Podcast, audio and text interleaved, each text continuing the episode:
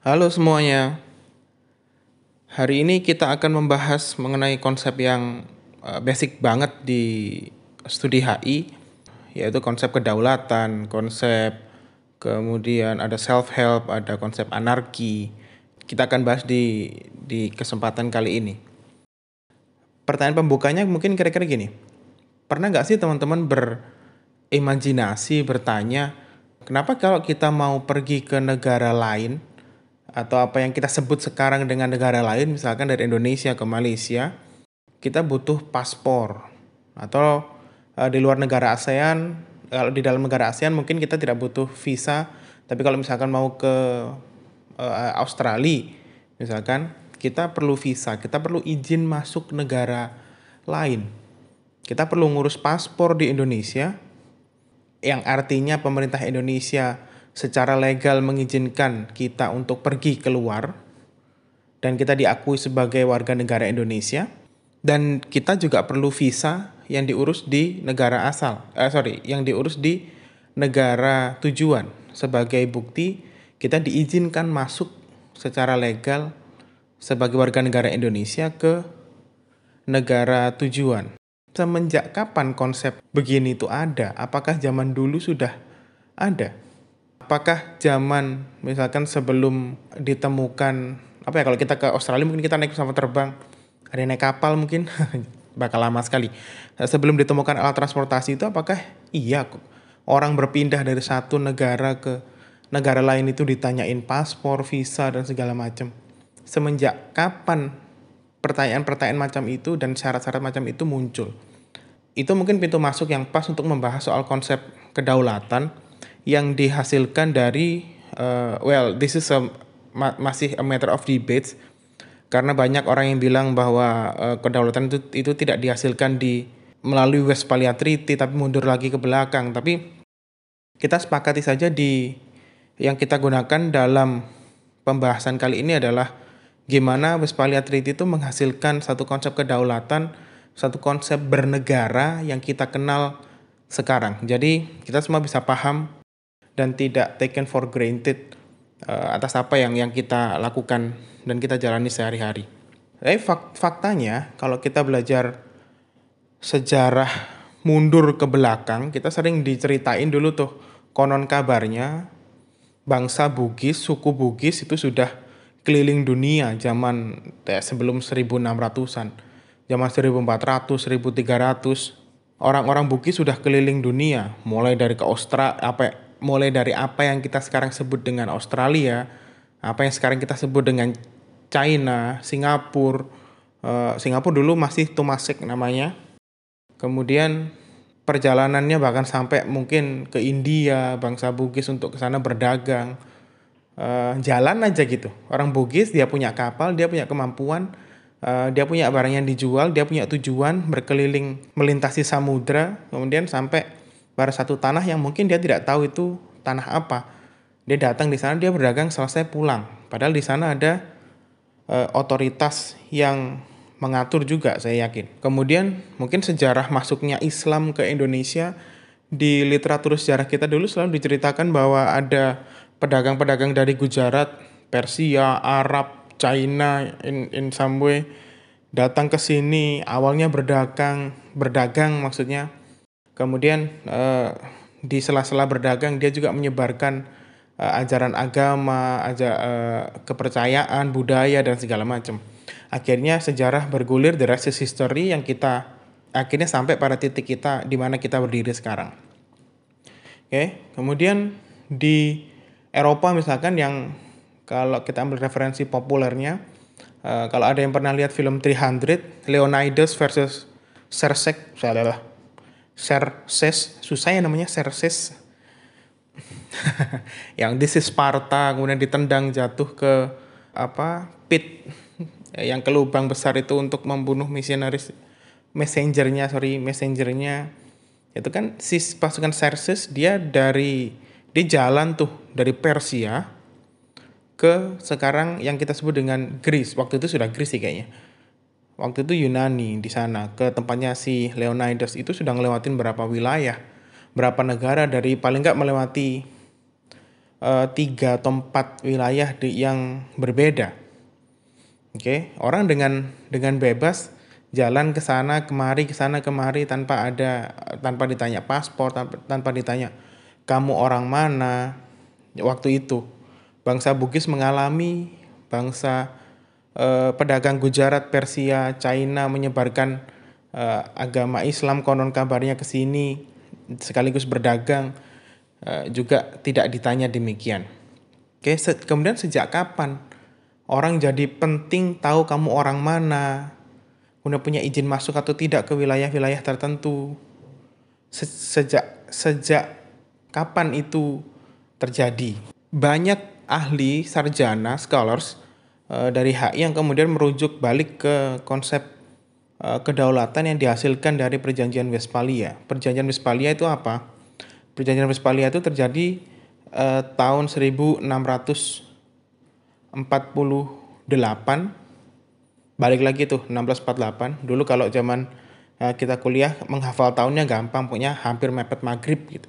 1648 well that's a shortcut 1648 yang disepakati uh, dinegosiasikan selama 2 tahun oleh 100 109 kalau tidak salah uh, sekitar itu 100 hampir 110 uh, entitas aktor uh, termasuk uh, Holy Roman Empire kemudian Philip IV of Spain Kingdom of France Uh, Kingdom of Sweden, uh, Kingdom of Sweden, the Dutch.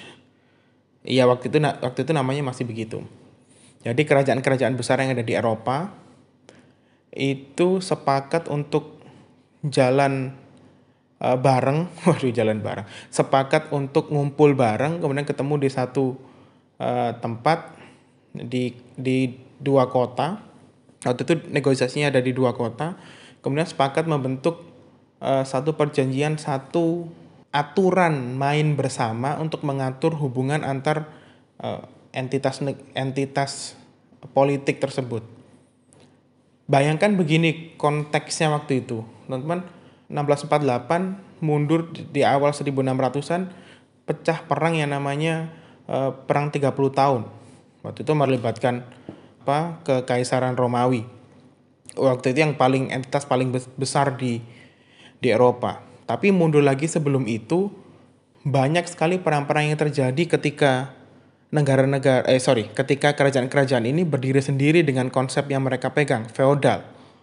Jadi ada pemisahan yang jelas antara mana tuan tanah dan mana pemimpin agama terpisah yang memegang pemerintahan siapa dan siapa itu itu semua terpisah. Yang terjadi adalah feodalisme. Oke, dalam sistem itu karena tidak ada komunikasi dan aturan yang jelas antar tuan tanah, antar pemimpin satu wilayah dengan wilayah yang lain, maka eh, dan tidak ada batasan teritori yang jelas, maka orang jadi sangat gampang untuk mengklaim, oke okay, ini karena di sana misalkan saya melihat di sana buruhnya lebih murah, saya harus kuasai, cara menguasainya adalah datang ke sana, serang, bikin ribut, kemudian akhirnya dikuasai. Konsepnya anarki, tidak ada aturan yang uh, mengatur dengan jelas, tidak ada tidak ada aturan yang mengatur para entitas politik ini. Kemudian perang itu tetap berlanjut uh, sampai perang 30 tahun yang waktu itu costly sekali. Korbannya hampir 8 juta orang di Eropa saja, 8 juta orang Kemudian pemimpin-pemimpin politik ini mulai mikir begini, hah kalau begini terus habis nih. Rakyatnya habis, hartanya habis, kemudian teritorinya rusak dan segala macam. Nggak bisa kayak gini terus nih. Nggak, nggak, nggak, nggak. Nggak bisa, kita harus ketemu, kita udah capek perang, kita costly perang, gimana kita hidup berdampingan. Karena, ya, well, basically war is costly. Kemudian akhirnya empat orang empat entitas itu tadi eh, jadi motor yang ngumpulin orang ngumpulin entitas politik yang lain tuh aktor-aktor politik yang lain dari 100 sekian itu tadi. Dikumpul ngumpul yuk kita rundingan nih gimana enaknya? Eh, 109 aktor ini punya kepentingan yang berbeda punya eh, ego yang berbeda. Akhirnya setelah dua tahun disepakatilah bahwa konsep yang kita pakai adalah berdasarkan konsep Westphalia. Akhirnya itu juga menandai perang 30 tahun antara uh, uh, if kalau boleh disederhanakan antara Protestan dan Katolik. Oke. Okay? Konsep yang dihasilkan apa? Saya nggak saya nggak bakal uh, go di go in details uh, dengan per pasal dan per ini, tapi ada tiga konsep secara umum yang apa ya orang sering bilang itu menandai apa yang disebut dengan HI uh, in, uh, modern era of international relations jadi HI yang yang lebih modern HI yang bisa dibaca sejarahnya secara runut uh, dan terukur. HI yang bisa dilihat dampaknya bisa dipelajari secara uh, runut. Itu ada tiga konsep utama. Yang pertama adalah munculnya nation state. Yang kedua ada konsep kedaulatan, sovereignty. Yang ketiga disepakati bahwa negara itu setelah lahirnya nation state tadi, nation state slash negara yang kita sebut di bahasa Indonesia sebagai negara, semua negara itu semua entitas politik yang disepakati di perjanjian Westphalia itu punya posisi yang sama di depan hukum internasional. Hukum internasional waktu itu means uh, aturan yang disepakati bersama oleh negara-negara ya. Jadi Bayangkan teman-teman sedang hidup di satu wilayah yang sama, di desa misalkan, belum ada desa, kemudian ada kepala keluarga A, B, C, D, E, ada lima, lima kepala keluarga yang punya kepentingan masing-masing, kemudian ada sering konflik, sudah capek konflik karena banyak makan energi, makan ini, makan uh, apa energi, harta dan waktu juga Kemudian mereka ngumpul, sudah, sudah, sudah, jangan ribut deh. Kita ngumpul, kita bikin aturan yang tidak boleh dilanggar oleh masing-masing, kita sepakat dengan itu, kemudian eh, harapannya kita bisa hidup dengan lebih damai dan ya dengan lebih produktif katakanlah begitu oleh keluarga-keluarga tadi. Kemudian disepakati aturan bersama misalkan A yang bertugas untuk produksi makan produksi beras adalah keluarga A. Yang B menyediakan keamanan, yang C bagian bayar menyediakan internet. Yang D bagian ini, yang E bagian itu akhirnya semua kebentuk saling mencukupi kebutuhan. Akhirnya lima poin tadi itu yang disebut dengan kesepakatan bersama slash international law dalam konteks ini, hukum internasional dalam konteks ini. Aturan bersama yang di sepakati bersama juga dan untuk keba kebaikan bersama. Oke? Di depan itu. Nah, kita bahas satu-satu. Tanda dari hubungan internasional yang uh, disebut modern era. Pertama adalah race of nation state. Ada tiga aspek dalam nation state atau tiga uh, penyusunnya. Pertama, eh, sorry ada dua aspek dalam nation state yaitu pertama nation atau kita terjemahkan sebagai bangsa biasanya ke bahasa Indonesia state negara kemudian nation state negara bangsa nation eh, teman-teman itu biasanya basicnya adalah culture ikatannya adalah culture jadi bangsa Indonesia dengan negara Indonesia itu dua konsep yang berbeda Oke. Okay? Biasanya uh, pendekatannya adalah cultural, mostly about historical similarity. Biasanya punya sejarah yang sama, punya cara hidup yang sama, punya satu ikatan kultural. Biasanya bahasanya sama, rasnya sama, uh, cara hidupnya sama, kemudian nilai-nilai yang dianut juga sama. Biasanya itu yang yang jadi dasar dari uh, orang itu merasa bagian dari satu bangsa tertentu. Oke, itu konsep dari Benedict Anderson kalau pernah dengar uh, seorang Indonesianis yang banyak studi soal Indonesia, dia menyampaikan konsep soal imagine community. Imagine community kalau terjemahan bebasnya mungkin komunitas yang terbayangkan, yang dibayangkan. Jadi bangsa itu tidak ada batasannya. Sampai mana pun bisa selama yang bersangkutan merasa ada sense of belonging, sense of belonging adalah rasa memiliki, rasa ikut memiliki, uh, rasa menjadi bagian dari dari komunitas yang dibayangkan tersebut. Oke, contohnya kalau kita ngomong dari Indonesia dari Sabang sampai Merauke, let's say kita sepakat dengan konsep itu Sabang sampai Merauke. Karena ada banyak tuh, banyak banyak suku, banyak budaya, banyak culture, tapi katanya satu sama-sama uh, negara post kolonial di bawah Belanda misalkan. Itu bisa jadi salah satu ikatan. Punya. Terus kemudian dengan Malaysia kita secara culture hampir sama tapi Malaysia uh, secara sejarah dia dijajah oleh Ing dia dijajah bagian dari kolonial dari Inggris. Pun dengan Papua Nugini dengan yang lain bedanya di sana. Itu itu definisi bangsa. Kemudian uh, bangsa itu tidak terikat dengan kontrak politik eh sorry kontrak hukum atau legal bagian legal formal. Misalkan seseorang ses, seseorang bisa merasa bagian dari bangsa tertentu tanpa menjadi warga negara dan uh, warga negara yang dimaksud. Bingung ya? Oke oke, gini gini gini. Kita jelaskan dulu deh, turun ke ke konsep state biar biar nggak bingung. Berbeda dengan nation, state itu basicnya political approach. Biasanya established by force kalau oke, okay, kalau kita ngomong bangsa Indonesia dengan negara Indonesia, itu dua hal yang berbeda. Karena state biasanya refers to territorial integrity. Oke. Okay? Jadi satu mengidentifikasi negara itu gampang. Lihat aja wilayahnya dari mana sampai mana. Oh, itu bagian dari negara negara tertentu. Kalau dari uh, Aceh sampai Merauke Miangas sampai Pulau Rote itu negara. Itu konsep negara.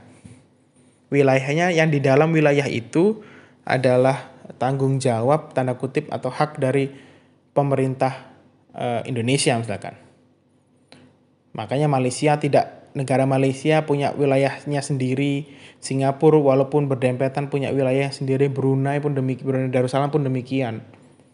State itu biasanya uh, political approach by force. Kadang-kadang sering kali dipaksakan kamu ikut negara ini uh, atau negara itu. Biasanya begitu. Terjadi dengan referendum di Timur Timur. Zaman tahun 99 ada referendum orang-orang Timur Timur ditanya ini kamu kan secara politik sudah nggak sama nih sama kita. Presiden Habibie ngomong gitu waktu itu kamu kan secara politik sudah tidak sama. Indonesia pengennya ke sini, kamu pengennya ke arah yang lain. Oke, jadi gimana nih enaknya nih? Kira referendum, jajak pendapat, polling katakanlah gitu, voting. Akhirnya diputuskan rakyat Timur Timur mayoritas memutuskan untuk berpisah dari Indonesia. Akhirnya Timur Timur tidak lagi menjadi bagian dari negara Indonesia. Oke. Negara itu biasanya diikat oleh political will dan teritori. Itu konsepnya.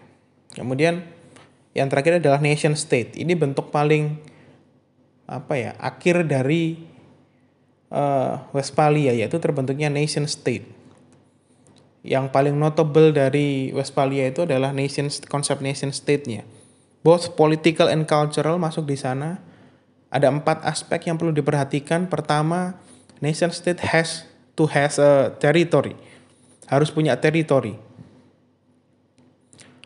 Kemudian kedua harus ada people, harus ada rakyatnya. Karena kalau enggak ya ya, ya lucu negara tanpa rakyat.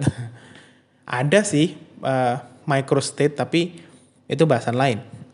Yang ketiga ada pemerintah yang uh, legitimate, ada pemerintah yang berdaulat dan didukung oleh masyarakat di dalamnya. Karena kalau tidak ada itu pemerintahan tanpa dukungan dari masyarakat itu uh, nggak bisa berdiri jadi uh, support dari masyarakat dan dan uh, kerelaan masyarakatnya untuk diatur oleh pemerintahan yang ini itu uh, jadi syarat jadi salah satu syarat legal terbentuknya nation state. Setelah ketiga, setelah tiga itu yang keempat adalah international recognitions. Jadi negara itu berdiri harus diakui oleh komunitas internasional. That's the problem with let's say Palestine. Tidak semua komunitas internasional itu mengakui Palestina sebagai negara. Oke, masalahnya yang tidak mengakui adalah negara-negara dengan pengaruh besar di dunia. Itu.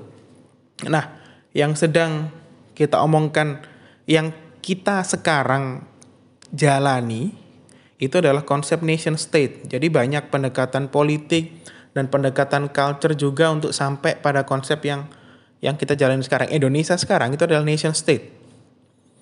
Karena juga di dekat juga terdiri dari uh, banyak culture, didekati secara politik, tapi juga punya cara hidup yang hampir sama, sekali lagi hampir sama dari uh, ujung ke ujung. Kemudian salah satu hal penting yang disebutkan, yang dihasilkan oleh Westphalia adalah nation state itu punya sovereignty, punya kedaulatan. Sovereignty itu apa? Sovereignty itu uh, kebebasan atau hak untuk exercise power ke dalam negara, ke dalam wilayah yang disepakati sebagai bagian dari wilayahnya dia. Each nations sorry, each nation state uh, has sovereignty to, to regulate what's within his territory. Jadi di dalam di dalam uh, setelah Westphalia itu disepakati oke okay, teritori dari titik ini sampai titik ini penandanya ini itu itu adalah bagian dari negara Prancis misalkan. Ada dari dari negara Jerman, Belanda, kemudian seterus dan seterusnya dan seterusnya. Oke, di dalam ketika negara itu berdiri, otomatis ada pemerintahan, uh, ada pemerintahan yang berdaulat, oke, ada rakyatnya tadi, ada pengakuan internasional melalui Westphalia tadi, kemudian ada wilayah. Dalam wilayah itu, negara punya keotonomi penuh untuk mengatur apa yang ada di dalam wilayahnya. Itu yang disepakati di Westphalia yang tidak ada di masa-masa sebelumnya. Oke, konsep kedaulatan. Kedaulatan itu absolut menurut perjanjian Westphalia. Absolut maksudnya apa? Absolut itu maksudnya ada dua. Pertama, uh, states survival, keberlangsungan negara itu yang paling utama. Jadi apa pun yang yang terjadi negara itu harusnya diutamakan. Oke. Yang kedua, yang kedua adalah e, negara berhak sekali lagi sorry, negara lain tidak berhak mencampuri urusan yang ada di dalam negara tersebut. Kalau dulu sebelum Westphalia, kalau sa misalkan saya pemimpin negara A, negara kecil A, eh negara besar A, ada sebelah negara besar B, eh, ada negara kecil B, saya pengen menguasai misalkan aliran sungai yang ada di sana, ya sudah saya serang saja datang serang semua tidak semua yang tidak terafiliasi dengan negara B yang tidak ada kepentingan dengan negara B tidak akan membantu dia. Tapi dalam konsep sovereign uh, dalam konsep yang dibawa Westphalia melalui sovereignty-nya kalau saya lakukan itu semua negara uh, akan membentuk uh, atau paling tidak akan protes terhadap saya atau ada ada mekanisme yang lebih lebih terstruktur lagi misalkan melalui uh, eh, ICG, ICG International Court Justice, melalui UN, Dewan Keamanan dan segala macam. Semua ada ininya, semua ada uh, mekanisme dan aturan main yang disepakati bersama. Oke, okay, karena uh, prinsipnya adalah uh, non intervention tadi, non non intervention principle. Kemudian yang terakhir yang kita bahas tadi adalah semua negara itu berat, posisinya sama di dalam di depan hukum internasional. Itu yang disepakati di Westphalia. Kemudian ada ada ada satu lagi kayaknya yang yang penting dibahas uh, untuk ini saja untuk untuk pengetahuan kalau teman-teman menjumpai ada tulisan hubungan internasional atau international relations I dan R-nya kecil itu kita sedang merujuk uh, kasus atau fenomenanya Misalkan uh, ada satu orang jalan-jalan ke luar negeri, ada migrasi, ada perang dan segala macam itu fenomena hubungan internasional yang H dan I-nya dituliskan dengan kecil. Biasanya kesepakatannya begitu. Kalau kita merujuk hubungan internasional sebagai field study, sebagai apa perspektif misalkan uh, biasanya H dan I-nya itu ditulis besar. Oke. Okay? Nah, yang terjadi dengan kasus Bugis dan uh, pedagang Gujarat dan seterusnya tadi itu adalah fenomena hubungan internasional yang di uh, yang dicirikan dengan misalnya tadi masuk di penulisannya yang H dan I-nya kecil. Yang kedua, sebagai apa yang field study yang yang bisa dipelajari yang H dan I-nya besar, Westphalia itu penanda utamanya. Oke, jadi kalau boleh sedikit disimpulkan, HI itu muncul sebagai field study. Penandanya adalah Perjanjian Westphalia tahun 1648 yang melahirkan beberapa konsep kunci yang menandai HI modern. HI sebagai field study itu muncul ketika adanya perjanjian Westphalia Oktober 1648 karena di situ terbentuk nation state kemudian negara atau nation state itu jadi aktor utama dalam HI kemudian ada sovereignty konsep kemudian ada, ada aturan main yang disepakati bersama di dunia internasional. Oke. Okay. uh, eh, kira-kira itu sih. Jadi semoga semoga bisa kebayang gimana pergeseran dari zaman feudalism uh, ditandai dengan Westphalia dan apa yang dihasilkan dari dari Westphalia itu nanti bakal berlanjut ke rentetan-rentetan kejadian besar di dunia internasional setelahnya misalkan gara-gara gara-gara negara itu tidak di tidak diperbolehkan untuk saling mencampuri urusan negara lain akhirnya muncul konsep self help jadi oke, okay, saya tidak mencampuri urusanmu, berarti saya nggak boleh ikut campur juga kalau tiba-tiba kamu kenapa-napa ya. Misalkan teman-teman ada di satu rumah, kemudian uh, rumahnya kebakaran, kemudian teman-teman teriak-teriak tetangganya, tetangganya bakal relaktan untuk membantu karena sebentar katanya nggak boleh membantu, katanya nggak boleh ikut campur urusan domestik. Itu kan urusan domestik sampai ya nanti saya ke sana tetangga yang lain salah sangka.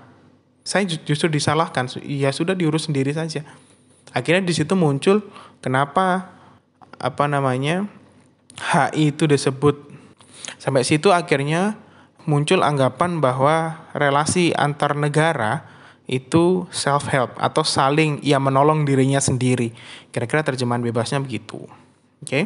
nanti itu bakal jadi dasar uh, kenapa kok ada perang dunia pertama, kedua, perang dingin dan seterusnya dan seterusnya.